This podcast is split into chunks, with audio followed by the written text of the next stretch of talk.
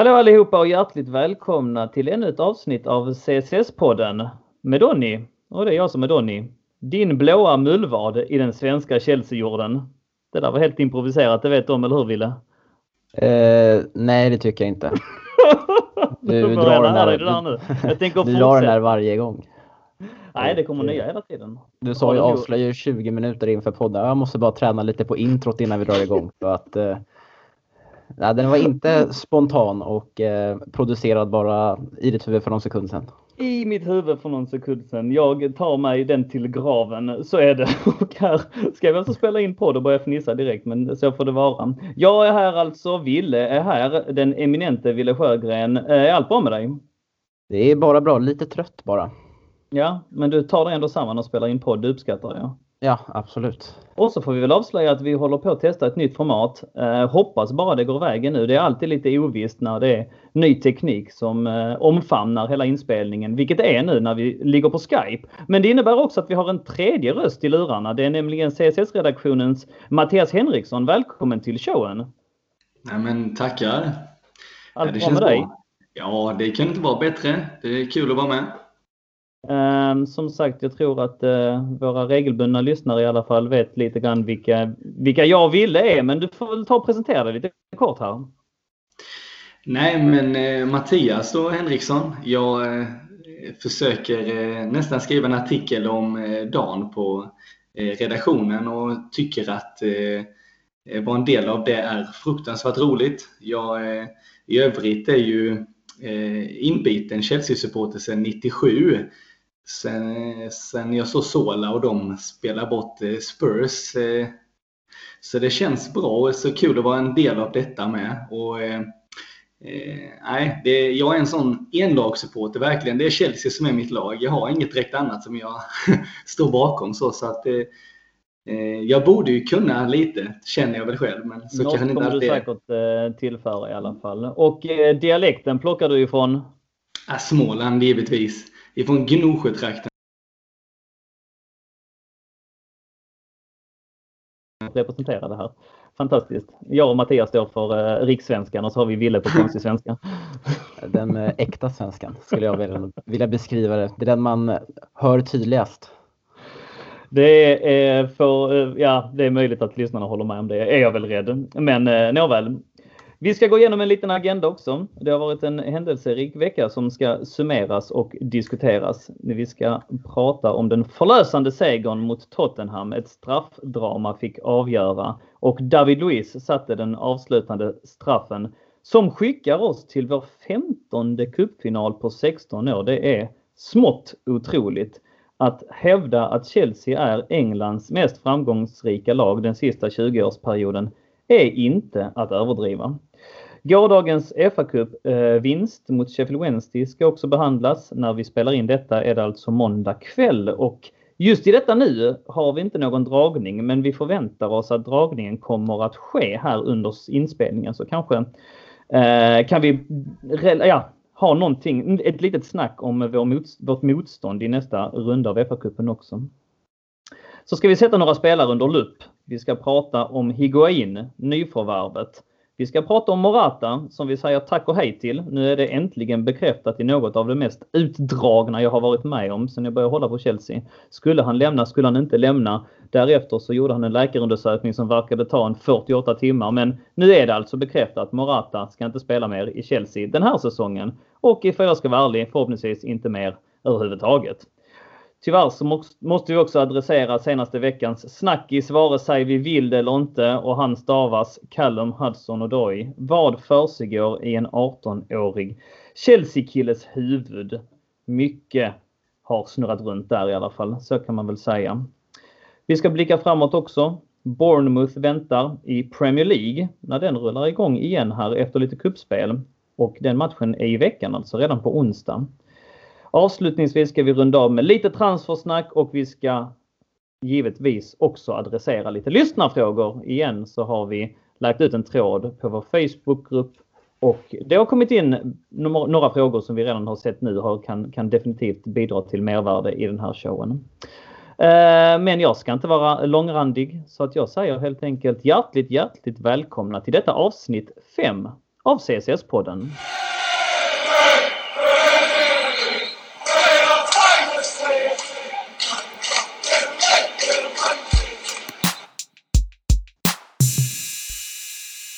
Ja, då var vi igång grabbar. Och vi kan väl ta vid direkt. Um, om vi blickar tillbaks mot, eller till veckan som har gått så spelade vi ju faktiskt riktigt bra mot Tottenham. Vi hade eh, ett rant från eh, vår kära tränare som eh, vi dissekerade i förra podden. Var det rätt väg att gå? Och vi kom väl lite överens om att vi kan inte riktigt säga det riktigt än för att vi vet inte resultatet av det. Än så länge så har det väl visat sig att resultaten i alla fall har fallit rätt ut och då är ju situationen rätt så mycket bättre. Eller vad säger du Wille? Ja, eller jag tycker att eh, det gav ju rätt snabb effekt, hans rant. Som du sa så dissekerade vi och vi fördömde det lite, i alla fall jag, mm. i förra veckans eh, avsnitt. Men med tanke på att jag tyckte att prestationen mot Tottenham i eh, förra torsdagen var riktigt bra faktiskt så verkar det ha givit effekt på spelarna. Och eh, spelarna sa ju efter, e-, efter eh, själva uttalandet, uttalandet från Sarri att, eh, att de i princip höll med honom också. Så det var nog ändå rätt väg att gå för Sarri.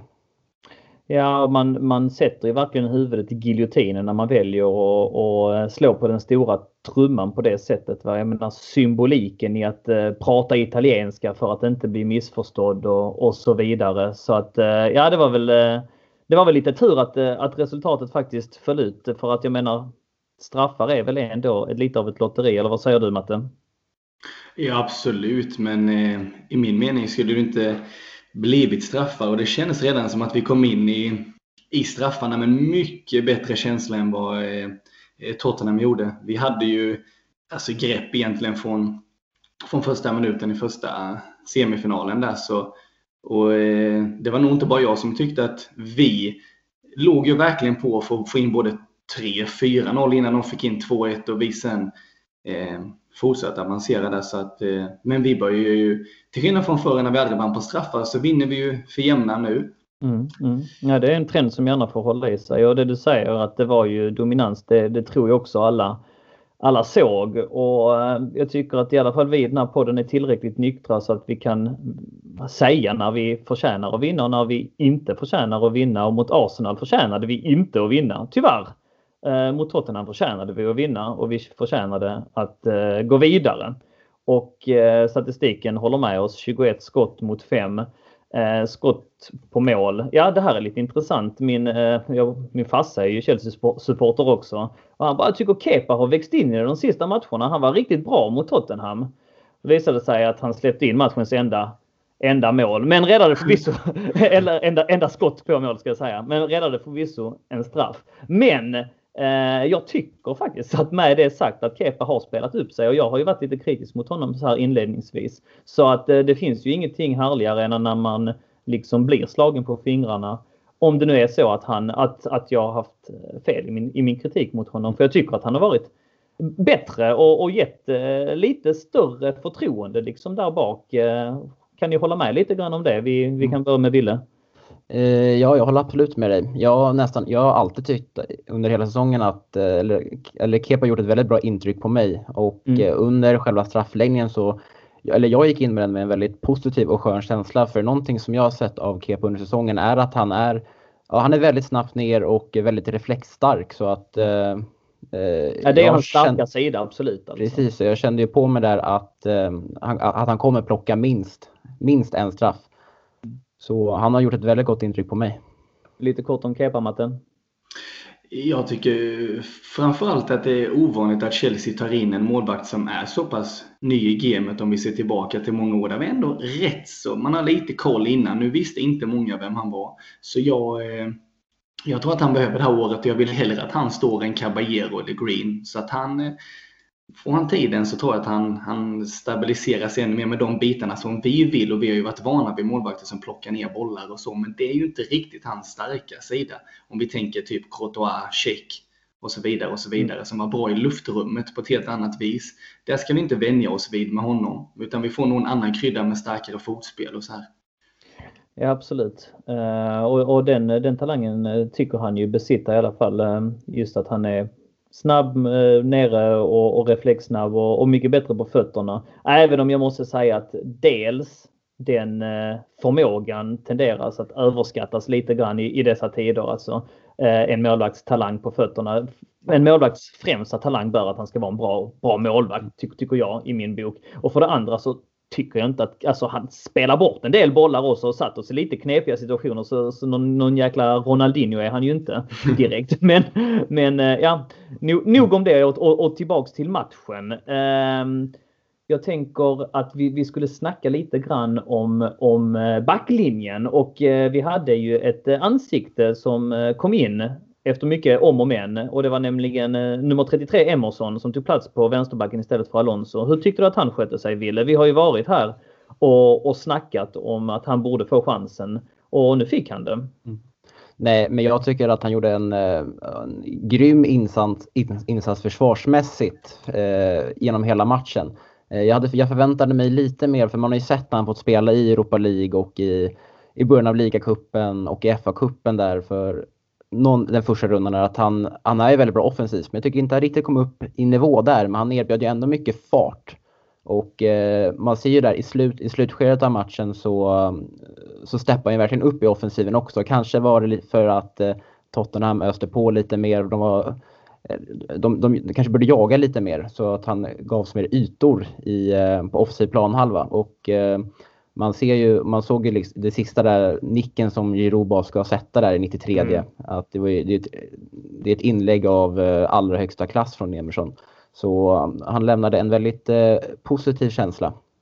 Är känslan att han kommer få fortsatt förtroende? Jag tänker på att Alonso var tillbaka i straff eller i, eh, i matchuppställningen nu här senast mot eh, Sheffield Wednesday och eh, det kanske är en indikation på att man vill spela Emerson eh, framöver i, eh, i ligaspelet. Förstår du lite hur jag resonerar? Ja precis, för det har ju varit väldigt tydligt att när en spelare i dagens Chelsea har, när det varit tajt med både Cup och Premier League, så när de ligger bara några dagar emellan så har det blivit mycket rotation, framförallt på den platsen mellan Emerson och Alonso. Och sen har det varit med framförallt William och Pedro också och lite Barkley Kovacic. Mm, så mm. har Alonso spelat en match så kommer Emerson spela nästa om det är en tight cupmatch. Och nu verkar det, med tanke på att Emerson spelade ändå den tuffa matchen mot Tottenham eh, förra veckan och Alonso fick spela i FA-cupen igår mot lite sämre motstånd så tycker jag att det, in, att det indikerar på att det är Emerson vi kommer få se på vänsterbackspositionen på onsdag. Mm. Eh, och eh, Sarri repeterade en gång att försvara sig på fasta situationer och belyste liksom eh, Alonsos eh, vikten av att ha Alonso på defensiva fasta och sådär. Ett argument som han ändå håller fast vid och ja, som jag till viss del köper. Det, det är klart att man måste i ett annat, eh, i ett lag som eh, enligt Sarris utsago inte är ett fysiskt och stort och långt och starkt lag. Att man eh, får liksom eh, ha de decimeterna man, man har i mm. laget. Va? Men jag tycker inte man ska stå och falla mot det i varje situation och det, det sa ju Sarri lite grann här också att han och jag menar i synnerhet i kombination med att eh, Alonso har haft en så pass svag vinter som han ändå har haft. Eh, så tycker jag att det är rätt att fortsätta ge Emerson förtroende. Eh, jag tänker släppa in dig här också Mattias så får du yttra dig lite grann om, om Emerson kontra Alonso situationen. Men först så har det plingat till i min mobiltelefon och jag har fått en notis från The Fifth Stand och vi fick ju en riktig bajslottning i FA-cupens mm. nästa omgång. Alltså Manchester United väntar hemma förvisso. Men eh, sju Premier League-lag var kvar och man hade ju hoppats att man skulle ducka Manchester-lagen i alla fall. Men det blev Manchester United. Jag vet inte, såg ni det också eller? Ja, jag fick det precis nu när jag klickade på mobilen här. Ja, ja, och den ska vara av egentligen så för att det kan störa sändningen. Så att det, var, det var fel av mig. Men jag kunde inte bärga mig att eh, snegla mot den. Så nu är den på, på flygplansläge igen. Men eh, som sagt, vi ska prata lite grann om, om gårdagens match lite senare. Så att vi hoppar tillbaks till eh, Chelsea-Tottenham och vi hoppar tillbaks till vänsterbacken, eh, Matte. Vad, eh, vad är dina spontana tankar där?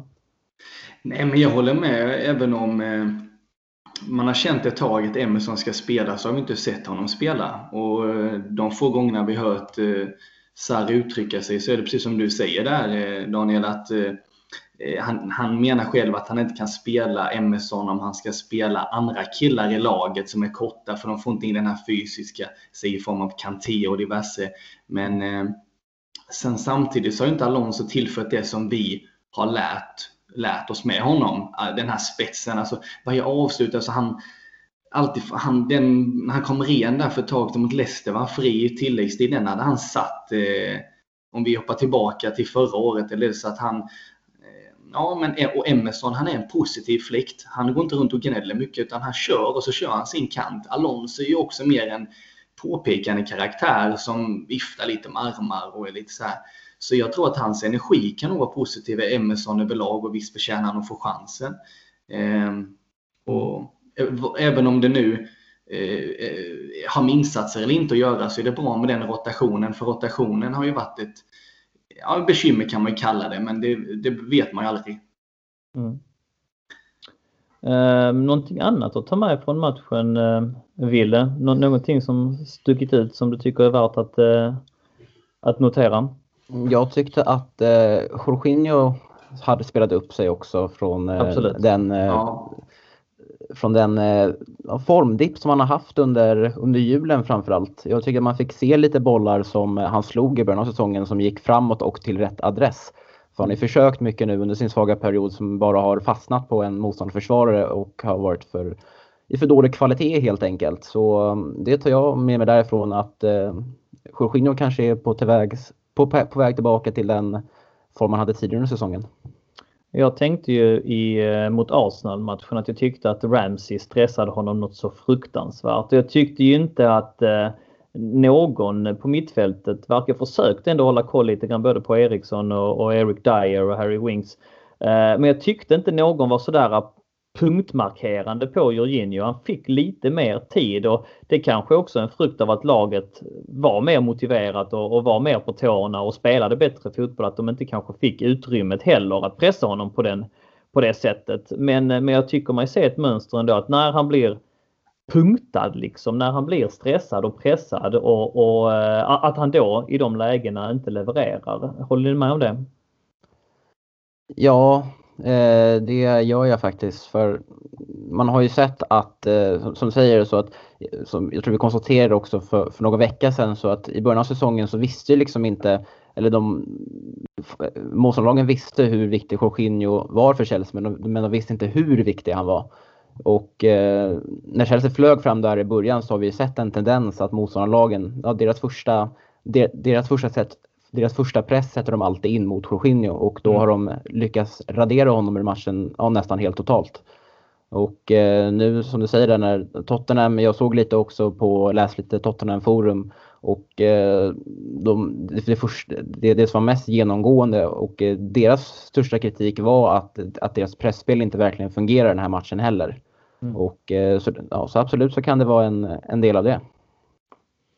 Vilken jävla straff! Ja, alltså det är helt galet och man eh, önskar själv man kunde lägga sådana. Det var ju samma, samma i premiären där mot Huddersfield. Alltså det... ja, men den här är snäppet värre alltså. Det är mm. knappt styrfart på denna. Men jag, Hazard har ju lite samma, eh, det här han kan blåsa en målvakt helt men han, har gått if, han går ifrån det lite emellanåt. Men eh, det här, jag såg några straffar i Serie A med. Alltså det, hur gör han? Och såg ni reaktionen efter straffen med när han gick fram till alla spelare som stod där och de liksom latchade och skojade lite. De vet att han kan det där. Ja, ja är, det, är det retfullt? när det väl kom till straffar så var det ingen, ingen snack. Jag har nog aldrig gått in så uh, självsäkert i en straffläggning någonsin med, med Chelsea. Jag kände också, jag, jag plockade ju för de fem straffskyttarna. Jag, jag, jag skrev, jag hade lite sms-konversationer med lite Chelsea-kompisar och sådär. Och jag skrev, exakt, jag är säker på att Hazard skulle lägga femte också. Inte riktigt i, i, i turordning, men, men jag, jag, jag skrev det som det var. William, David Luiz, um, Jorginho såklart. Eh, Cesar Aspilicueta och så var jag som sagt rätt så övertygad om att Hazard skulle lägga den sista. Och den enda jag är lite orolig för där det är, det är Hazard. Nu har han ju satt en hel del i rad men han hade ändå ett streak där han eh, brände, jag tror det var en fyra straffar eller fem straffar i rad för, för både klubb och, och, och landslag. Men ja. eh, nej, nej det, det, kände, det kändes gjutet att det skulle bli att det skulle bli vi. Och som sagt 15 cupfinaler på 16 år. Det är smått otroligt. Ja visst. Det man ska ta med sig lite med kan jag känna med, ända sedan om vi går tillbaka mot Tottenham, eh, tre, fyra år sedan så började vi ha någon sån här slags rumble in the jungle med dem. Vi slår varandra varenda gång när det är, vad ska man säga, mer betydelsefullt för den andra. Vi förstörde en ligatitel för dem, slår ut dem från FA-cupen. Sen när vi har en lång svit på 13 matcher, då spelar de ut oss, vice versa.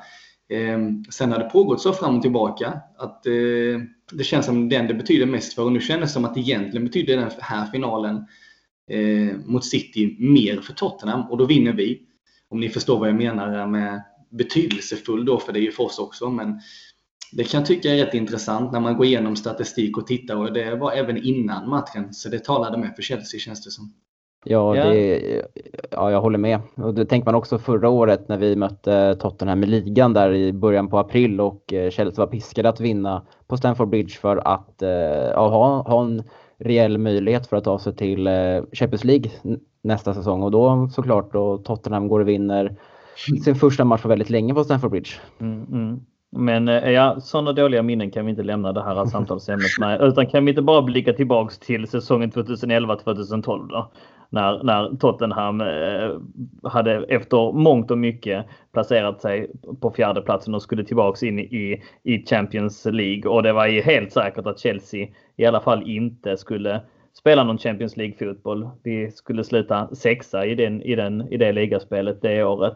Enda som vi skulle göra var ju, som skulle kunna ge oss en, en, en biljett tillbaka till Champions League var om vi skulle vinna Champions League. Men det var ju helt omöjligt när vi stod mot, mot Barcelona med, med vår kapten utvisad och så sen så skulle vi ju möta Bayern München på deras hemmaplan. Eh, men eh, det lyckades vi med och det var på den tiden att då var det bara fyra engelska lag som fick kvala in till Champions League. Så trots att Tottenham slutade fyra så knep vi den platsen. Ett, ett, ett, ett synnerligen roligt minne om ni minns det grabbar. Och vi kan ju slänga med Daniel där, i bara någon månad innan så spelade vi ut Tottenham med 5-1 i FA-cupen. Det var ju semifinalen där innan vi slog Liverpool. Och det där målet ni som alla pratar om, det var inne eller inte. Eh, det var ju en himla... Ni söker upp det om ni är osäkra, men 5-1 vann vi med och det var ju ren show på mm. Tottenham mm. där på Wembley då. Så eh, det var ju ja, Frank Lampard satte en frispark från ganska långt eh, håll. Cudicini stod i mål då ja. Ja, för, för Tottenham till och med ja. För Tottenham, ja precis. Ja, ja. Mm. ja nej så är det. Härliga härliga minnen om vi väljer att vinkla den åt det mm. hållet. Vi ska prata lite om gårdagens fa Cup-vinst också mot Sheffield Wednesday. Jag bollar över till dig direkt eh, eh Mattias. Eh, någonting du eh, noterade och vill eh, headlighta här? Alltså, framförallt är att Willian gör mål. Jag har ju inte riktigt tyckt att Willian har gått upp i någon större form. Alltså utöver en liten period med Conte så ja, eh, men han fortsätter få chansen även i sådana här matcher och då gör han sina mål så han håller sig kvar och eh, det är väl framförallt det jag tänker med, med honom och sen att eh, Rydiger, alltså han gör sig ju mer och mer eh, man kan nästan tycka det är konstigt att man har missat innan att han är så här stabil och bra som han är. Mm. Ehm, men eh, sen så tog väl Hudson och Doy egentligen det mesta fokuset eh, eh, ifrån, ifrån allt och till och med ifrån att Higuain debuterade och allting så känns det som att det var han det handlade om.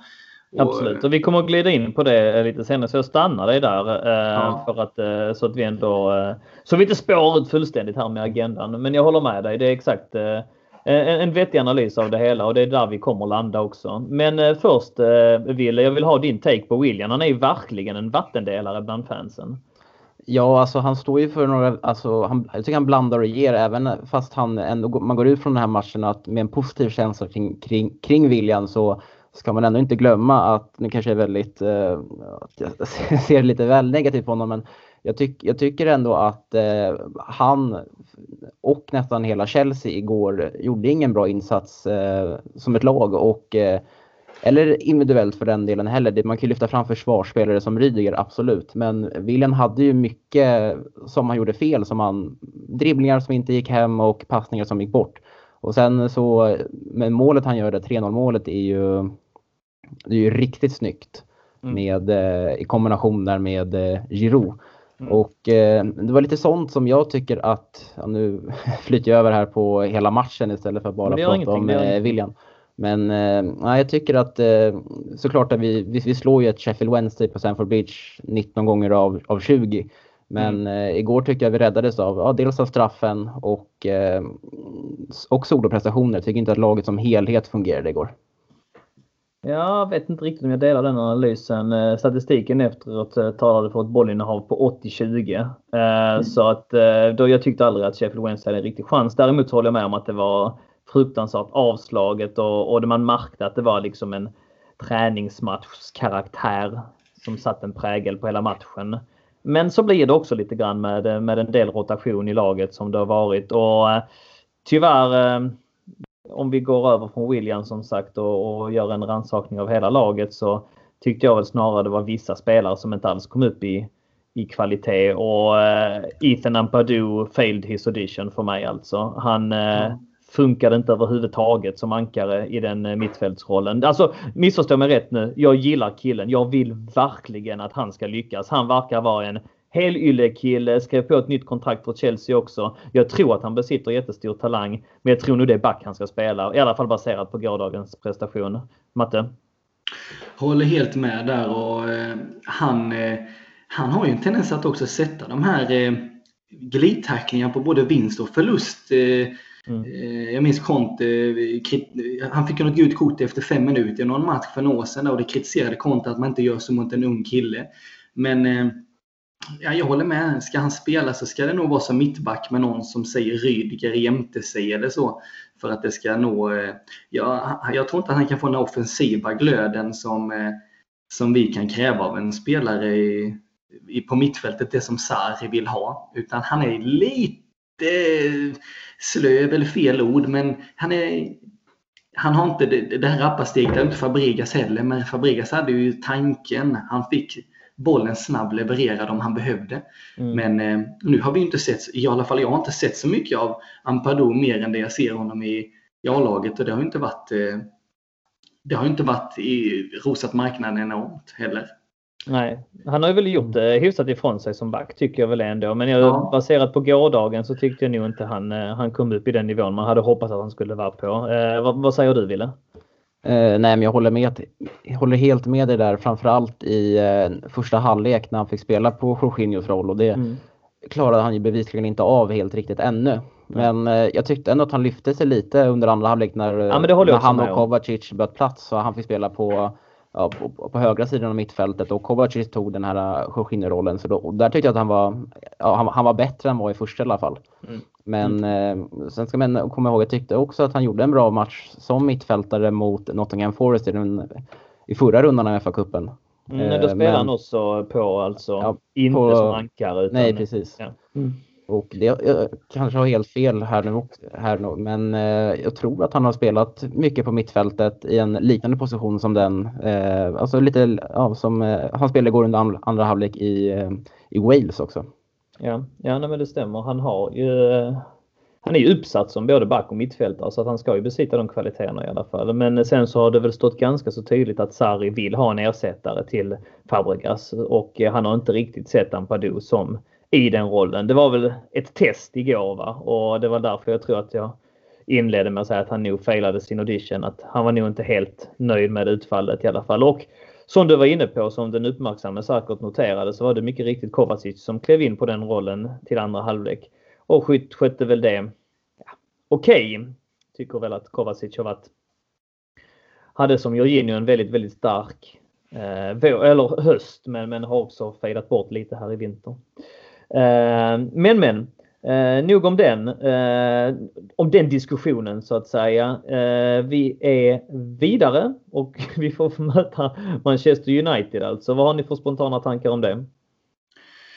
Ja, min första spontana är ju, slår vi United då är det ju då är det en fin väg framåt med potentiellt City där som som, eh, som enda kanske riktigt på allvar kvarvarande hot och de får ju Middlesbrough Newport i nästa match. Så, eh, det ska vi inte glömma och det är ju som för några år sedan när vi åkte ut mot Bradford där, den hemska matchen, eh, då väntade väl både Portsmouth och Cardiff tror jag i en eventuell eh, semifinal eller vad det var. Lite samma väg kan det ju bli nu om, för jag menar City åkte ändå emot, var det Reading, Reading förra året? 1-0. Eh, det var Wigan va? Wigan, Wigan var det. Ja. Men det, det, vi kan ju tillägga med är väl att eh, det blir inget omspel nu. Det fick jag, såg jag här på eh, BBC att från och med nu i femte rundan så är det 90 minuter extra tid och sen straffar. Så mm. det kommer inte bli ett omspel om det här. Så det går inte att spela på resultatet i en sån här match för att få fördel av hemmaplan exempelvis fler utropstecken från gårdagens match. Higuain, Higuain startade och eh, spelade nästan hela matchen. Eh, Ville, vi har haft honom lite här under lupp. Vi har vetat om att han har varit på väg in men övergången blev äntligen bekräftad.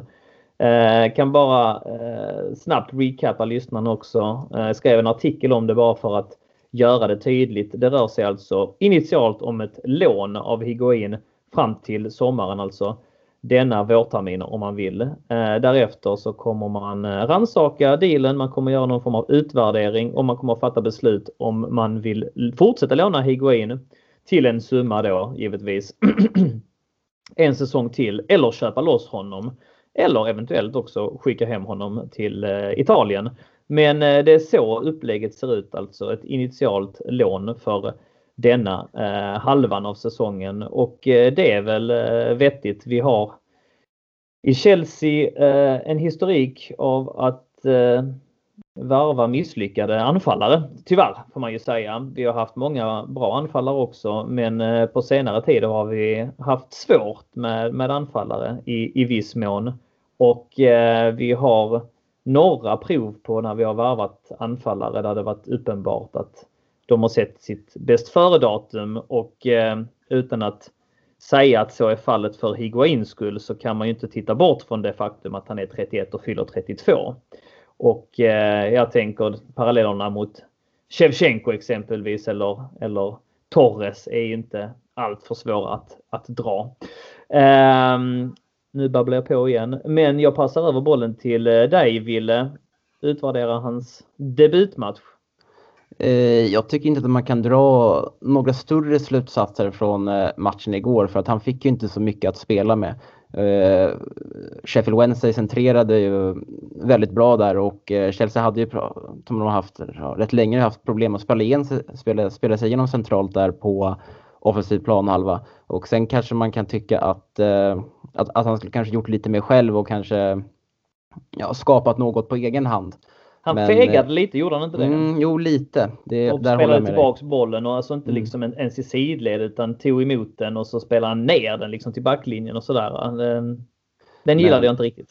Nej, men jag tycker att eh, han tog ett par fina löpningar och eh, som vi, visade att ja, men, jag vill göra mål och sen eh, Eh, så tycker jag att eh, mycket bättre, alltså om man, om man jämför med eh, Morata så tycker jag att det är en, man säger att när Morata fick bollen så kan det så ofta så, ja den studsar på hans ben liksom tillbaks mm. till någon annan liksom.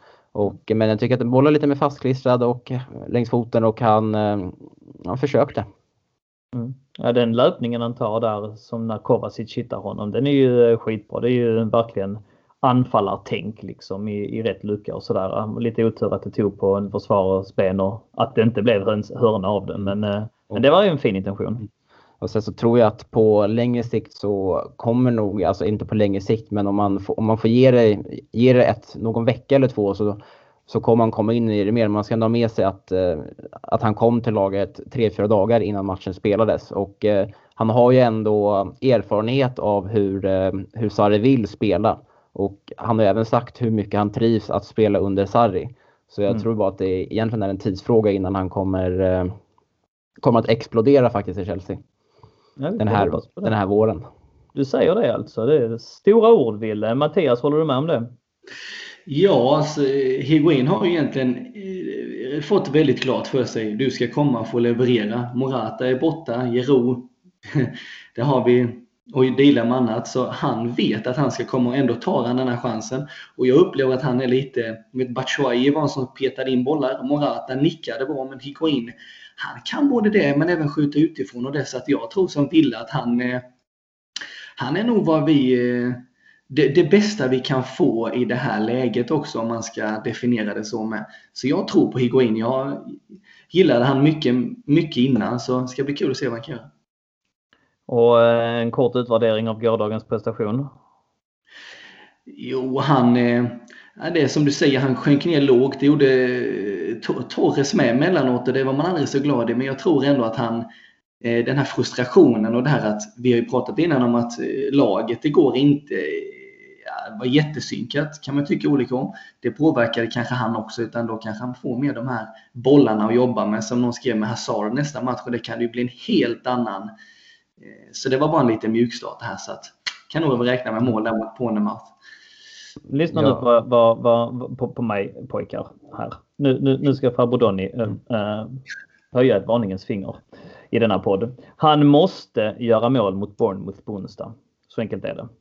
Annars så dömer jag ut honom. Ah, ah, nej, riktigt så hårt är det inte. Men det är viktigt att han börjar göra mål snabbt. Så är det för alla anfallare. Jag såg en intervju nu som flashade förbi i mitt Facebookflöde med eh, från, från Viasat eh, där Anders Jansson, ni vet han här Skånekomikern och, eh, och eh, Henrik Larsson satt och snackade med, med en programledare. Och, och Henkes eh, korta session i Manchester United får man ändå betrakta som en succé. Eh, men han kom också in eh, till årengången eh, och hans debutmatch var i FA-cupen och han började, han inledde med att göra mål och han berättade just vikten av att få liksom den här rutschkanan ner, att alla liksom känslor och, och, press liksom på något sätt släpper och att, att ja, det, det, är väldigt viktigt att komma igång med målfabrikationen. Jag vet inte om ni noterade det, men det har ju varit lite jag såg det både igår och, och, och, eh, och det har givetvis noterade ni det för att eh, kameran visade ju det i efterhand såklart. Var du med.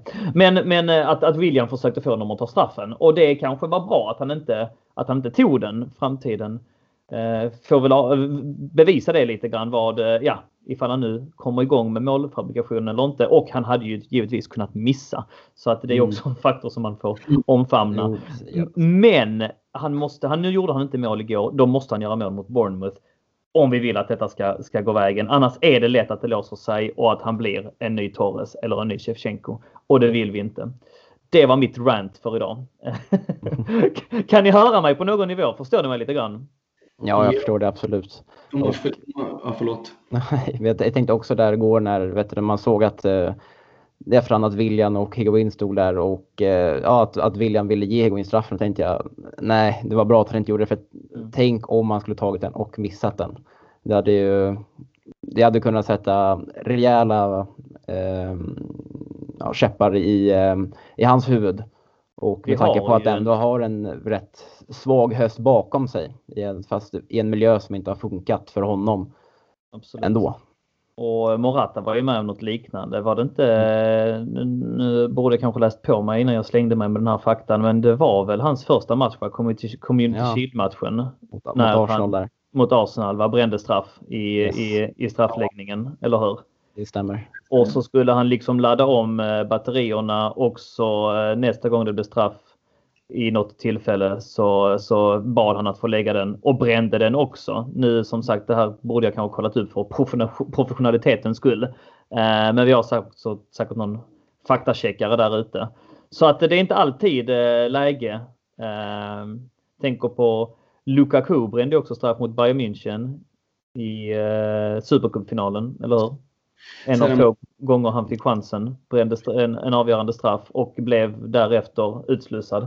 Så att jag menar, det är inte alltid bara att man, att man går fram och, och att det blir liksom faller, faller rätt ut bara för att man, man gör mål på det sättet. Va? Men eh, ja, kontentan är där ändå att eh, han måste få igång målfabrikationen tämligen omgående, annars är det risk att det låser sig.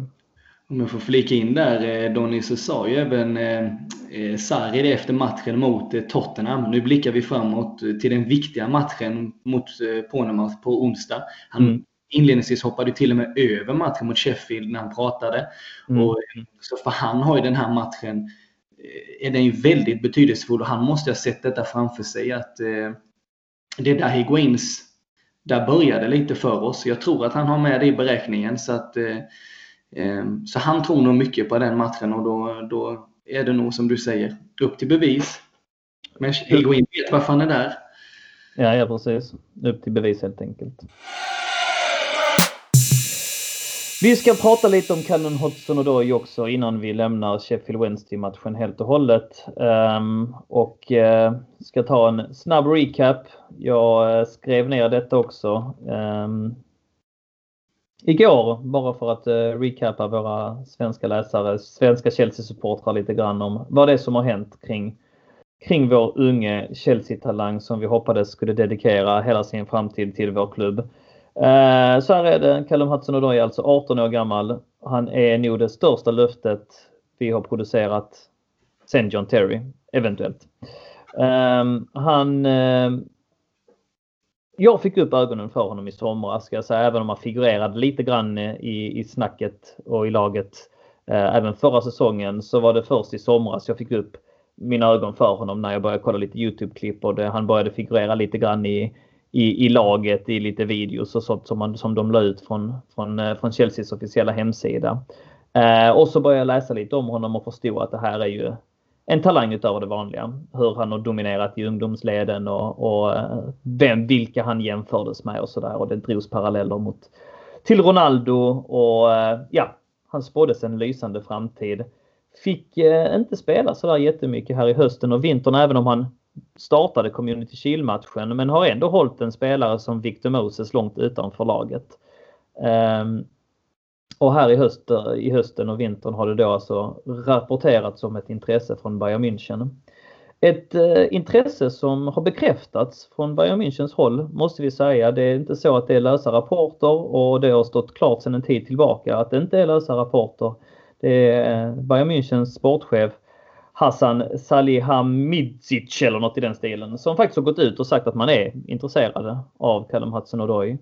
Och enligt tämligen troliga uppgifter har Chelsea då fått ta emot tre bud på hans huvud. Eh, eventuellt också ett fjärde bud. Det ryktas om att det ska vara i regionen 35 till 40 miljoner pund. Ehm, man har också här i, i höstas och i vintras eh, fått läsa om att Chelsea vill knyta åt sig Callum Hudson-Odoi, att man erbjuder honom eh, nytt kontrakt och att man för diskussioner med honom. Och eh, det senaste här i de sista veckorna har gjort gällande att Callum Hudson-Odoi alltså har nekat ett kontraktsförslag värt 85 1000 pund i veckan, vilket är extremt mycket för en 18-åring och hade då gjort honom till ligans mest betalda yngling i den åldern givetvis. Ehm, att han skulle vara intresserad av att gå över till eh, tyska ligan och spela för Bayern München står också tämligen klart.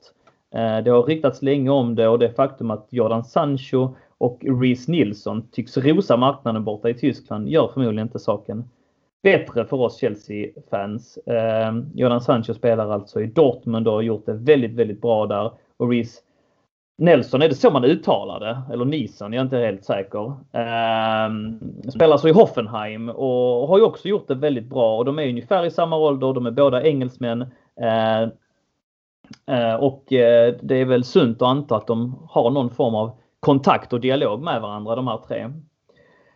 Ehm, Inför matchen mot Sheffield Wednesday här i eh, dagen innan i lördags kom det rapporter om att eh, Callum Hudson-Odoi har eh, lämnat in en transferbegäran och eh, efter matchen så fick han frågor från BBC om sin framtid, vilket han då valde att inte svara på. Det var en tämligen lång utläggning men det var ändå viktigt att vi fick med historiken här. Och med det lämnar jag över ordet till dig Ville. Jag vet om att du är en Callum Hudson-Odoi-fan och jag vet om att du har försökt blunda dig igenom detta transferfönster bara för att överleva.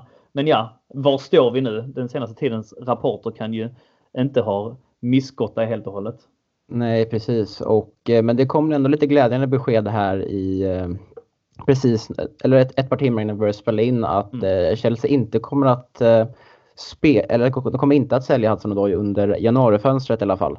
Och eh, vad jag tror i grund och botten med att eh, hudson inte, eller att han är sugen på en flytt till Bayern München, det är dels för att han har ju sett, som du nämnde där, att det är ju några Englands talanger som har, som har gått från England och gjort succé i Bundesliga.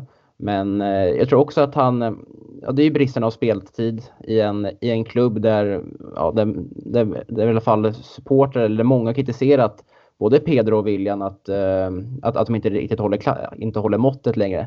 I kombination med att man väver in en Christian Pulisic som spelar på, på Hudson Odoys position. Så vilket jag tror att han, att han ser lite att eh, ja, men det finns inget, eh, eller det, det, det, är för stort, för stort steg att, att, att ta den här startplatsen. Mm. Och, eh, men jag tror nu att om, om Chelsea står emot här under januari och de spelar Hudson Odoi mer under våren, vilket han förtjänar att göra också. Inte bara för att han ska få vara kvar eller för att han ska övertyga någon att stanna kvar utan han förtjänar verkligen att få speltid med tanke på Pedro och Williams prestationer och eh, kontra Hudson Odoi så tycker jag att när vi hade honom fått spela så har han gjort det väldigt bra. Eh, så tror jag att eh, han mycket väl kan eh, krita på ett nytt kontrakt när vi börjar komma in där i april, maj eller i sommarmånaderna.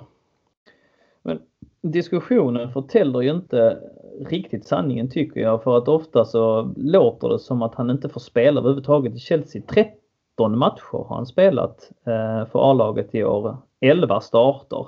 Det är rätt bra för en 18-åring ändå. Jag menar speciellt med tanke på vilka han har framför sig. Det är liksom inte några dussinlirare, Hazard, William och Pedro. Även om jag håller med om att de kanske framförallt William och Pedro blandar och ger lite väl mycket. Men det är inte så att han har varit utanför laget helt också. Jag vet om att Sola eh, var ju tydlig med att poängtera det på presskonferensen efteråt där det bombades frågor om Callum Hudson-Odoi att det är, grabben är 18 år. Han har haft en lysande kurva och han har visat att han har förtjänat att spela på sista tiden men också behövt jobba på vissa bitar för att förtjäna det förtroendet. Då. Men han har fått mm. spela. Att de som säger att, eh, att så inte är fallet har faktiskt lite fel. Eller ja, vad säger ni? Eh, alltså, jag vet inte, vad sa du? 13 matcher varav 11 från mm. start. Mm. Mm. Jag, eller alltså vad jag får för mig så har han, start, han startat två matcher i Europa League. En och eh, två i, eh, i FA-cupen. Mm. Eh, mer än det har inte jag nått av att han har hoppat, hoppat in två gånger i Europa League tror jag och han har gjort ett par inhopp i Premier League men jag tror inte han har skrapat ihop mer än fyra, fem starter. Och... Jag kollar här på transfermark.com. Där, där står det i alla fall. Det var den källan jag använde mig. Fyra Europa League-matcher, tre Premier League-matcher, två fa Cup-matcher, en Community Shield, en eh, ligacup-match. Och utöver det alltså så ett, eh, en match inbytt i Europa League, en match inbytt i FA-cupen. Det hela blir då alltså eh, 11, nej precis ja, alltså det blir fel, 11 starter. Eh, 11 precis, 11 starter blir det och inget annat. Det var jag som eh, räknade fel på matten, matten där. Och eh, två inhopp. Så 13 matcher totalt då alltså. Ja men det sa jag ju. Ja men jag tror det, jag, jag kollar på WhoScore nu och där får jag det till eh, två starter och eh, fem inhopp, 277 spelade minuter, två mål och en assist. Mm. Ja. Eller han har gjort flera assist vet jag. Han gjorde ju två mål i FA-cupen så det kanske är min källa som är helt ute och cyklar här. Ja. Men jag är direkt ingen minnen heller att han har startat så mycket mer än, än i alla fall vad, den här, vad de här säger här. Mm. Ja, nej, vi, vi får låta det vara osagt. Han, han, eh, fan vad konstigt. Jag ska screenshotta detta så att jag visar att jag inte står och ljuger i alla fall.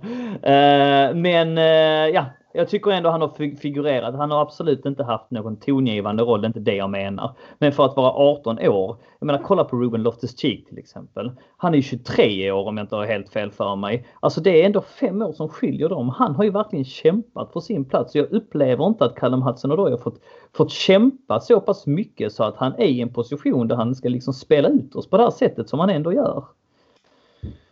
Men eh, jo, alltså jag håller med att alltså, Loftus-Cheek har, ju, har ju verkligen tagit den långa vägen kontra Hudson Odoi. Men eh, jag tycker ändå att Hudson Odoi besitter en ännu större talang än vad eh, Loftus-Cheek gör. Jo, men och. Eh, med tanke på att, eh, alltså med tanke på hur konkurrenssituationen eh, ser ut i Chelsea på de positionerna som eh, Hudson Odoi aspirerar på så tycker jag att han har gjort sig förtjänt av mycket mer speltid än, eh, än vad han har fått.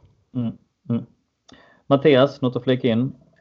Ja, jag vill minnas att eh, Sari för inte allt för länge sedan ändå gick ut och sa att eh, eh, rabbla upp eh, någon annan spelare i, i Europa som, som får spela så mycket som han får spela. Och nu är det lite oklart hur mycket han har fått spela då om vi har källor. eh, han poängterade för Sarri, det lät på honom som att han, eh, han Hudson borde vara nöjd. Han, mm. han får chansen och jag, och jag tror att går vi tillbaka från vad han tänkte från början Sarri så, eh, så kanske inte ens Hudson var involverad i laget för att eh, det var inte det som var hans initiala tanke eh, när, han, när han tänkte sig Chelsea utan jag tror att Hudson kom som en extra eftersom han inte var något, han var ju inget för, i föreningen förra året men eh, alltså i högre utsträckning då. Men eh, att vi ska, vi måste ju försöka knyta oss till en sån här kille så han eh, och sen, eh, jag försökte googla lite innan på vem som är hans agent, men jag finner inte riktigt den informationen. Vet du något om det, Wille, som är lite mer insatt? Jag tror att det är någon familjemedlem. Har jag det... för mig. Det är någon storebror har jag för mig. Inte helt ovanligt och det där, man tänker annars att mm. det där kan sätta en viss prägel, men det är, nej, jag, men det är klart ni jämför med andra killar som har fått spela och så här och även han Sandro från City som gick till Dortmund där han fick Sancho. Sancho, förlåt. Han fick ju en otrolig löneerbjudande från City, men tog ju inte det heller. Så någonting, och ser man i Bayern, du vet Robben ska bort, Ribéry ska bort. Han mm. ser vad vi Nej, har. de har ju till och med alltså, nästan gått ut med att eh, han ska få en tröja nummer 10 och alltså det är ju guld och gröna skogar där borta nu. Så att, nej, det är klart att det, det, det, det påverkar. Är det då någon eh, liksom ekonomiskt eh, slipad agent där också som gnuggar händerna. Så nej, det, det, är klart, man ser att det kan lätt bli så. Jag var tvungen att googla fram vad Soccernet säger nu, alltså ESPN, eh, som också håller statistik. Och de säger nio matcher från start, fem inhopp eh, i Chelsea denna säsong som alltså skulle landa på 14 matcher totalt. Mm. Eh, ja, lite spridda skurar här, men eh, ja, kontentan är väl ändå, mm. han har inte spelat lika mycket som han hade velat. Så kan man ju, så kan man ju säga och det är klart att det, det påverkar. Dessutom faktorn som du nämner Ville att eh, värvningen av Pulisic gör väl att han inte tycker att man kanske satsar på honom. Och det är synd. Men eh, ja, blir han kvar eller ska vi sitta här på några de sista dagarna? Villa, vad säger du? Eh, alltså det tanke på källan som, eh, som angav att eh, Chelsea kommer att neka alla kontrakt eller att, att de kommer neka all eller alla bud som Bayern München kommer komma under januari kommer ändå från tyska Bild som mm. ändå har, som ändå har drivit svansföringen i det här och som är en nära källa som har koll på allt som händer i Bayern München. Så mm. jag tror nog att när, när de rapporterar någonting som har med Bayern München att göra så får man helt enkelt lita på det. Mm. Och, eh, så han kommer nog bli kvar under våren vilket känns eh, väldigt bra faktiskt. Och som vi nämnde också där med Ruben Osterkik och Kalmar Doy där i akademin och så vidare så det är ju ingen Chelsea-spelare eh, någonsin i, i akademin som har, eh, som har presterat så som Hanson Odoi har gjort. Han har ju de överlägset bästa siffrorna mm. någonsin. Mm. Och som en ytter han har gjort mer mål än vad anfallarna gör. Mm. Och mer poäng. Så att eh, det är en eh, talang utöver det vanliga.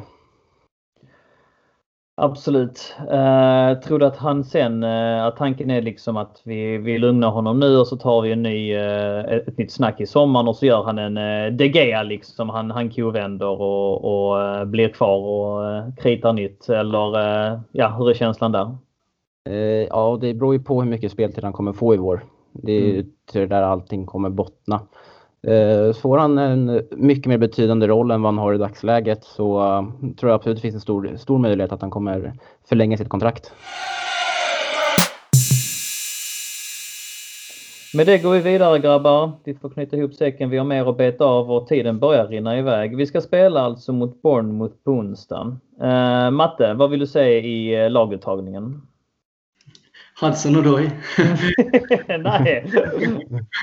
Nej, men eh, eh, framförallt då eh, testa lite som, med, som även Wille var inne på med Emerson på sidan där och, och så gå in och jag tror att var vi än spelar eh, eh runt Hudson och Doy Higuain kommer det mesta fokuset att, att landa på dem, tänker jag mig. Så att, men annars så det är som William där. Jag tycker att det är bara att slänga in eh, Hudson direkt där faktiskt och eh, ta hans roll. Men nej, jag tror att vi tar eh, matchen oavsett vad. Vi, Pornmouth är det, de brukar vi stryka över, så det är dags nu.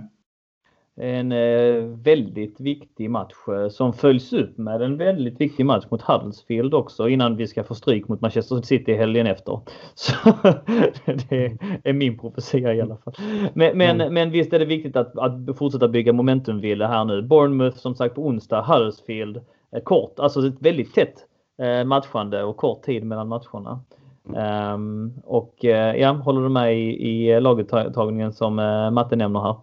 Ja, absolut. Eh, jag tror också att Emerson får, kommer få spela där och man vill se Higuain från start. Eh, och sen eh, Hudson och då, ja, jag drog världens rant om honom här precis, men mm. med tanke på det mönster vi har sett så ser jag rätt osannolikt att han kommer starta matchen med tanke på att han fick 90 minuter mot Sheffield Wednesday nu i mm.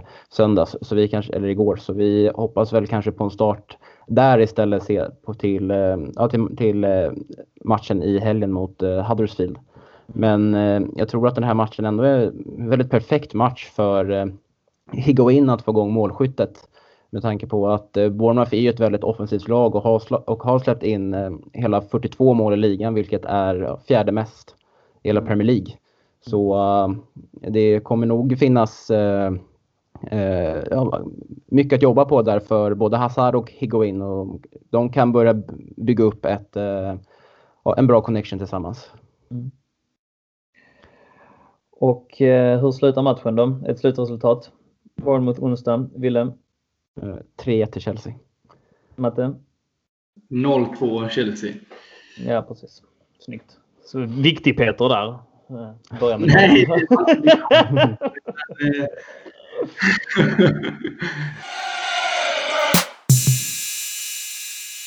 Vi ska gå igenom lite eh, transfersnack också. Um, och eh, Ville, du har tagit pulsen va? på eh, det senaste dygnets aktiviteter. Blir det någonting mer på inkontot här? Eh, för att efter matchen eh, mot Bournemouth, den spelas alltså på onsdag den 30 eh, så kommer alltså transfer deadline day på torsdag den 31. Sen är det över. Så att det, ska det hända någonting så ska det hända nu. Vad säger du Wille? Ja, som det ser ut just nu så är det väldigt, väldigt svalt. Det är, sen, sen Higuain-dealen blev, blev klar så har det inte ryktats så mycket om spelare in till Chelsea. Utan eh, det var väl väldigt tyst. Det senaste, vi har ju pratat om Paredes i den här podden och det verkar inte finnas på världskartan nu att han ska skriva på för Chelsea i januari utan det är PSG som har ryckt honom ifrån oss. Men det har inte heller blivit bekräftat alltså så att alltså, det kanske är någonting som bubblar där och, och någonting som händer. Det är i alla fall en högst Absolut. personlig teori från min sida. Men för men... att det var ju redan liksom i, i eh, mitten av förra veckan som det sades att nej nu är han klar för PSG. Men det har ju inte kommit någonting mm. bekräftat än i alla fall. Nej, men jag känner lite att när Paredes fru står och tar massa bilder framför eh, Eiffeltornet så känns det relativt klart. Mm. Och, eh, så jag tror att den kommer vi få räkna bort. Och ja, det som ändå har snackats lite om det senaste dygnet det är ju Adrien Rabiot från PSG och eh, det skulle vara i så fall en spelare som skulle ansluta för, först till sommaren. Så eh, nej, det är väldigt, väldigt tyst. Vi fick ju se Victor Moses gå i dagarna till eh, Fenerbahce och Morata gick ju på lån idag till Atletico Madrid. Så jag tror vi kanske får fokusera lite mer på utkontot de här sista dagarna med ja, framförallt Gary Cahill och så kanske dyker upp någon, något intresse för Danny Drinkwater. Mm. Vad säger du Matte? Du eh, brukar också uppdatera Sillyspalten på hemsidan och sådär. Är det någonting eh, som du har snappat upp eller som kan vara realistiskt att vi får hem här innan, eh, innan fönstret stänger? Nej, framförallt inte där man tänker att man visste inte ens hur långdrag det här skulle bli med Higuain. Att det blev klart nu, det, det, det känns oklart. Även om det var långdraget så annars har det varit just det här skiftet mellan Morata och och Higuain som har varit det, det stora. Och, eh, jag är väl... Jag gillar inte den här lånearmén överlag så jag hade önskat att man gjorde lite korrigeringar där. Men det händer väl om två år när Fifa ordnade det. Men annars så tror jag inte på någon egentligen. Jag tror knappt att Drinkwater de eh, försvinner ut på lån eller så heller utan de blir nog kvar för att annars så tror jag att Sarri redan hade förpassat dem ut från Stanford helt. Då. Så mm jag, tror, jag tror det blir helt lugnt och, och blir det något så blir det som på sin höjd ett lån. Det har ju varit en liten sån eh, transfer. Jag tror inte heller Hudson går, men eh, det återstår att se. Vi vet inte. Med det så ska vi eh, adressera lite lyssnarfrågor för att programmet börjar nå sitt slut. Och tyvärr hade vi alltså inget sådär jättemarkant att dela med er av i, i transfersnack. Jag vet om att det är en, eh, ligger många varmt om hjärtat men så är det. Det går inte att trolla just nu så är det väldigt tyst. Tyvärr! Men jag hoppas ju fortfarande på en kreativ mittfältare. Eh, som sagt, det kan hända mycket på de dagar som är kvar. Den som lever får se. Eh, någon fråga här eh, som vi vill hugga tag i eh, från Facebookgruppen. Vissa grejer har vi adresserat redan. Mikael Kullman nämnde att han vill att vi ska prata lite grann om Emerson versus Alonso. Och eh, det eh, har vi gjort. Så att det, det, det, det tycker jag att vi lämnar därhen. Eh, det är klart att vi har, eh, vi har pratat lite grann om både Callum Hudson-Odoi och Ampadu också. Eh, Higuains första intryck. Johan Håkansson, varför eh, Chelsea skapar så få klara målchanser per match? Den tänkte jag att du skulle få svara på Mattias. Ja, vilken tur jag har. Eh, Nej, men det känns ju som att det här hänger ihop med vad vi pratar om för anfallare. Att vi inte riktigt har fått att stämma om det inte har varit... Eh, vi har varit bortskämda med Didier Drogba och Diego Costa, men sen det är redan som Conte började på, jag vet Niklas Isaksson i redaktionen, är inte riktigt hans favoritgrej med en falsk nia där framme och det är kanske det som är problemet. Eh, Hazard uttryckte ju det själv. Jag gör mina tränare besvikna. De förväntar sig mer mål, men det är som det och det är kanske det som är problemet att eh, eh, fel personer på fel plats kan man väl tänka. Det kan kännas konstigt att känna det om Morata som var en rekordvärvning men eh, eh ja, eh, vi, vi har ju när vi hade Diego Costa där inne, då kunde vi slå in vilken boll som helst. Nu kan vi inte det. Utan det var samma med Didier också. Släng in vad som helst så kunde de trolla in en boll, om det var med klacken, baksidan av huvudet eller vad som helst. Mm. Och där har vi inte varit sen Costa lämnade inför, eh, och det är just de här två senaste åren som har varit akut problematik kan man ju säga där framme då. Eh, där, eh, där en anfallare även driver in bollen och sätter den. Så det är väl det. Ja, det, ju, det känns inte som att det är så enkelt att säga som att ha rätt anfallare utan det, det måste ju ha med någonting med, med, med sättet att, att, spela runt omkring. Men det känns som att de spelarna vi haft i truppen nu, det har gått in i, det har varit lite samma gubbar som har varit där och det är kanske det som är Får vi in Hudson, han, han ser man skär in på ett helt annat vis. Vi, väckas in lite Robben-style och så här. Och det är kanske det vi behöver, ett annat sätt lite att anfalla än vad vi gör nu. För nu, nu blev det varken inlägg eller skott utifrån som vi var kända, eller som vi var kända och vana vid med Lampard. Och det. Så att, mm. mm. Ja, det landar i lite gränsland och där någonstans tror jag att det är det som är problemet. Att vi, vi har inte riktigt kunnat axla spelare som gjorde fruktansvärt mycket offensivt innan och så försökt ersätta det med personer som inte riktigt kan nå upp till samma nivå. Ehm, för det är ju inte så enkelt som att bara göra mål. Andra lag lider ju av samma problematik om man inte får in en sån här oväntad grej med offensiv kraft i löpningar som säger Liverpool och det. Men det är ju bara en kort glimt vi får en del av det nu. Ehm. Eh, jag satt och kollade lite på, eller brukar sitta och kolla lite ibland på eh, den här nya statistiken som kommer fram som heter expected, expected goals. Mm. Och eh, som är, som är, som är baserad på hela lagets prestation och antal heta målchanser laget skapar per match. Eh, och då ser man ju liksom att Chelsea ligger i, an, i antal, i antal målchanser och hur laget presterar så har vi presterat nästan, har vi presterat bättre än både Tottenham, Arsenal och Manchester United. Chelsea har mm. producerat, de har gjort 40 mål varav de har expected goals på 39 mål, 39,49. Okay. Medan du har lag som Arsenal som har gjort 48 mål och har en expected goals på 37 mål. Och Tottenham där också, gjort 48 mål, har en expected goal på 39. Så, och vi har varit inne lite på den här podden och vi har haft, vi har, att vi har haft väldigt mycket oflyt mm. Den här säsongen och vi har ju det, vi är det laget i Premier League som har skjutit mest skott till både ribb och stolpe. Så, mm. skulle man, så statistiskt sett så skulle vi till exempel ha legat på en, ett, ett poäng på 45,65 vad som är mindre än vad vi har idag. Men då har ju lag som Tottenham som ligger på 51 idag som egentligen statistiskt sett skulle legat på 40 sett ur deras prestation och hur många ska, heta målchanser vi har, vi har skapat. Och där kommer man in lite på det som du sa Mattias också, att vi har ju liksom ingen, i brist på anfallare så har vi ingenting, har, vi har ju ingen som skapar allting på egen hand som vi hade med Drogba eller Costa. Vi har ju Hazard. Medan eh, de övriga topplagen har ju lite, har lite bättre andra spelare som kan göra det på, på egen hand också. Synnerligen intressant input där Willem. Ehm, det med expected goals, jag tycker det är en väldigt relevant statistik. Att det var på det sättet visste jag dock inte.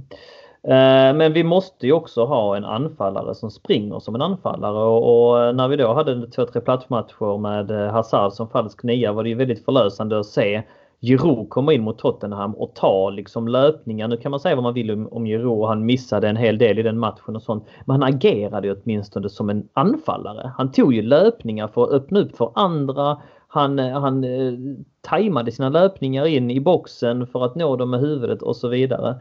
Och eh, det hoppas man ju att man har kommit till rätta med nu med, med Higuain och jag är ändå förväntansfull även om eh, mitt rant här tidigare höjde ett varningens finger för vad som händer om man inte gör mål mot Bournemouth. Men jag är ändå förväntansfull med honom som striker och med Giroud som, eh, som backup. Jag, det känns mycket bättre än det vi hade tidigare i alla fall. Frågan överlag är, ska Giroud överlag vara backup eller ska han ha fått en större roll när Morata inte presterade? För jag menar, när man såg det här när Hazard gjorde sitt hundrade mål, den statistiken. Mm. Till min förvåning så var Giroud fyra där. Men han hade gjort 115 då när Hazard hade gjort 100. Och då tänkte jag, har han gjort 15 mål på fem år? Det förvånade mig. Kunde inte förstå det. Så att han gör ju saker utan att man tänker på det. Och han, det var samma där nu i VM. Han, han startade varenda match. Kan ha fel på något här, men jag, jag vill minnas att han startade alla, han spelade i alla fall alla. Och eh, gjorde ju inte ett enda mål. Men lik tusan så lirade han. Deschamps såg någonting i honom och kanske det är det vi Kanske ska vi ha spelat två man där uppe. En Giro och eh, en Hazard. Vilket komplement med Giro som nickskarvar eller ja, ni vet ta till panikåtgärder. Men eh, Iro blir ju kanske blivit lite marginaliserad. Han kan ju, han kan ju inte ha varit så nöjd med, med det han har fått när han kom. Blir en ny bänknötare i, i Chelsea som han... Ja, det är lite synd. Han borde kanske ha fått lite mer chanser angående spelsystemet så vet vi att eh, Sarri inte kommer gå ifrån det i första laget. Och, eh, det kan vi nog grotta oss in i vid, vid ett senare tillfälle. Men vi har fler frågor att eh, att ja. Eh, tackla. Och eh, en eh, väldigt intressant fråga är ju som Sergon Tadaris skriver här. Varför ser vi aldrig Roman i läktaren längre? Är han fortfarande bannad? Eh, du har skrivit lite om detta Mattias och, och grottat ner dig lite grann i, i Romans situation. Vill du ge oss en, en recap där? Ja, vi kan ju gå in lite på var han står idag och vad han och varför det blev som det blev där i somras med. Eh, jag såg bland annat idag så har han köpt upp ett, nu senaste månaden, ett eh, stort bio föreställer SF, men han har köpt en privat aktör där i Ryssland som ska bli en riktig miljardindustri för han. Så han investerar lite där med, så han har ett öga överallt. Eh, men om vi återgår till för Chelsea då så han i somras, hans visum gick ut. Detta var ju samma veva då som vi har berättat tidigare. Som det också var lite lurigt det här med den eh, ryske spionen. Det var lite fram och tillbaka det här med någon som han eh, ryska spionen Sergej Skripal som blev mördad lite sånt här och det hade ju connection med Storbritannien. I samma... ja, framförallt så påverkar det ju Storbritanniens relation med Ryssland. Det har ju ingenting med Roman Abramovic att göra egentligen. Men det är ju den relationen som man ofta drar paralleller till. Att den, eh, den har fått sig en törn. Va? Ja precis och det, precis den punkten skulle jag komma till. Att just hela det här varvet gjorde ju att eh, och England var inne i en process där de begär nu att du ska kunna redovisa vad du har fått dina pengar från. Och enligt dem då, England, så anser de ju att Roman har ju mycket pengar som är, som är svårt att definiera var han har fått dem ifrån. Och det funkar inte att eh, ha det så. Eh, detta gjorde ju att hans pengar och hans eh, visa och hela den här grejen band ju upp eh, Stanford Bridge nya bygge och lite det här att det behövdes hans, vad ska man säga, han, han var borgensman för det kan man nästan säga. Eh, om han nu valde dock att åka till England utan sitt arbetsvisum, han fick ju lämna då i samband med fa Cup-finalen, han missade ju den där när vi slog United. Eh, om han hade återvänt då hade de bedömt det som att han arbetade för eh, klubben och ni kanske hörde det att han skulle söka israeliskt medborgarskap. Och gjorde han det, då innebar det att han eh, då räknades han som gäst i landet, inte som en rysk eh, arbetande person då. Och det är eh, alltså det som är, bara för att förtydliga, jag vet inte om du nämnde det, det är alltså hans arbetsvisum som har blivit, eh, alltså som, som skulle förnyas och det är det som är under process nu att förnyas och det är det som har alltså gått ut och det är det man då inte, man drar på den processen från Englands håll. Så att han har alltså inte ett arbetsvisum, det är det det kokas ner i, eller hur? Precis, för i samma veva som han, han behövde ett nytt arbetsvisum så trädde nya regler fram i Storbritannien, både berörande EU och diverse, som krävde att man, vem du än var, ska kunna berätta var får du din stora inkomst ifrån. Och eh, problemet, eller problemet för Roman var att detta gick lite hand i hand. Han kunde inte förnya sitt arbetsvisum innan hade det löpt ut och när det hade löpt ut så var det nya regler.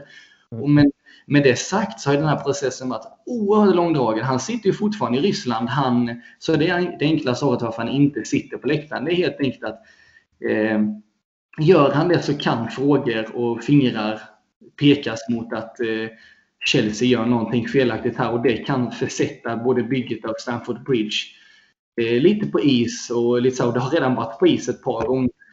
Eh, och det här är, det här är ett sånt som finner både på BBC och Forb, Forbes och så informationen här är dock bristfällig vad han håller hus just nu men eh, eh, det är i alla fall anledningen till att varför inte, vi inte ser han och det trodde man väl nästan aldrig att man skulle känna att man saknade Roman på läktaren. De filmade honom eh, tid och otid innan. och det är också en anledning till att eh, klubben kan vara till försäljning som vi har eh, snackat i en eh, CSS live om Fredrik Pavlidis för några, några veckor sedan. Eller ja, någon det... månad sedan är det nu snarare. Att, eh, det är mycket rapporter som inte, inte cirkulerar just nu men i, i sensommaren framförallt eh, i höstas som, som eh, pekade åt det hållet att klubben kan vara till, till försäljning, att han har tröttnat helt enkelt. Vi tackar så mycket Mattias för den recapen. Um, tittar här ifall det är eh, någonting annat som vi bör adressera innan vi, ja, vi har en eh, fråga här om det finns någon officiell samling i Malmö den 14 i andra. För oss utan biljett undrar Henrik Auvinen. Och eh, någon officiell samling blir det ju garanterat. Eh, jag har biljett och eh, eh, är väldigt glad för det och kommer eh, åka ner och eh, ser fram emot det så in i Norden. Och eh, när allting är spikat så kommer jag gå ut med det på, på, på hemsidan. Förhoppningsvis kan det bli en samling eh, där alla kan sluta upp, även vi som vill ta en öl innan matchen.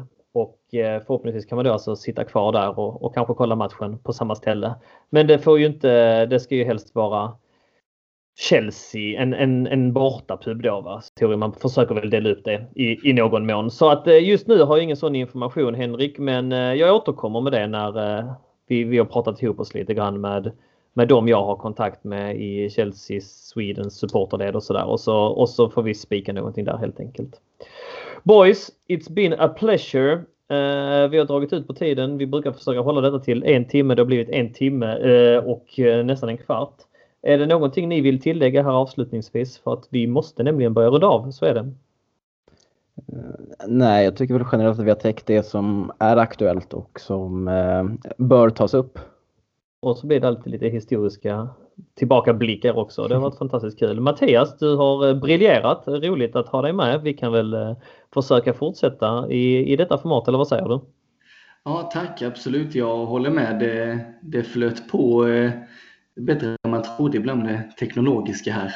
Ja, vi får se. Tänk nu när jag ska spara den här inspelningen och hela skiten bara raderas. Fy Vi får hoppas att vi får upp den också. Men eh, nej, stort tack båda två för att ni har varit med. Och eh, till er lyssnare säger vi som vi brukar säga, fortsätt engagera er. Fortsätt gilla, fortsätt tycka och fortsätt komma med feedback. Det uppskattar vi. Har ni kritik att framföra får ni jättegärna framföra det också. Men tänk på att hålla god ton och tänk på att vara så konstruktiva ni bara kan. Eh, vi gör detta för att vi tycker det är roligt och eh, då kan lite upplyftande ord alltid fungera som extra tändvätska och göra vårt eh, ja, jobb om man vill kalla det så för mycket roligare. Men det kan också svida till och göra folk irriterade. eh, om man är alltför eh, elak helt enkelt. Så tänk bara på att, eh, att eh, försök fortsätta i den kärleksfulla anda som ni har varit, måste vi säga. Vi har fått väldigt mycket ros för den här podden och det, det uppskattar vi. Så ta gärna vid där fortsättningsvis också. Vi finns på Facebook. Fortsätt följa oss där och engagera er där. Det är ofta där vi lägger ut trådarna kring den här podden också. Eh, Chelsea Supporter Sweden heter gruppen som man bara klickar in på och gillar eller följer eller vad det nu heter. Vi finns även på Instagram. Mattias, du har tagit den sidan under dina vingar och postar en jäkla massa den sista, den sista tiden och det, det uppskattar vi också.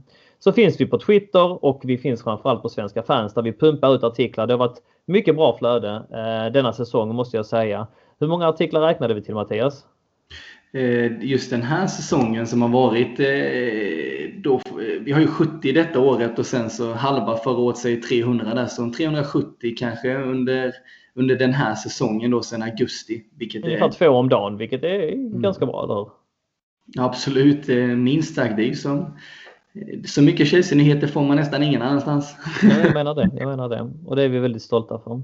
Och eh, forumet som sagt in och eh, var med och bidra till att det är god stämning och bra nivå där. Ibland är det jättebra nivå, ibland är det mindre bra nivå. Men det är ingen idé att gnälla om man inte vill vrida någonting åt rätt håll och det har vi alla eh, möjlighet att göra. Så in och peppa där också så blir det säkert bra. Med det tackar vi så mycket och säger carefree och up the Chills.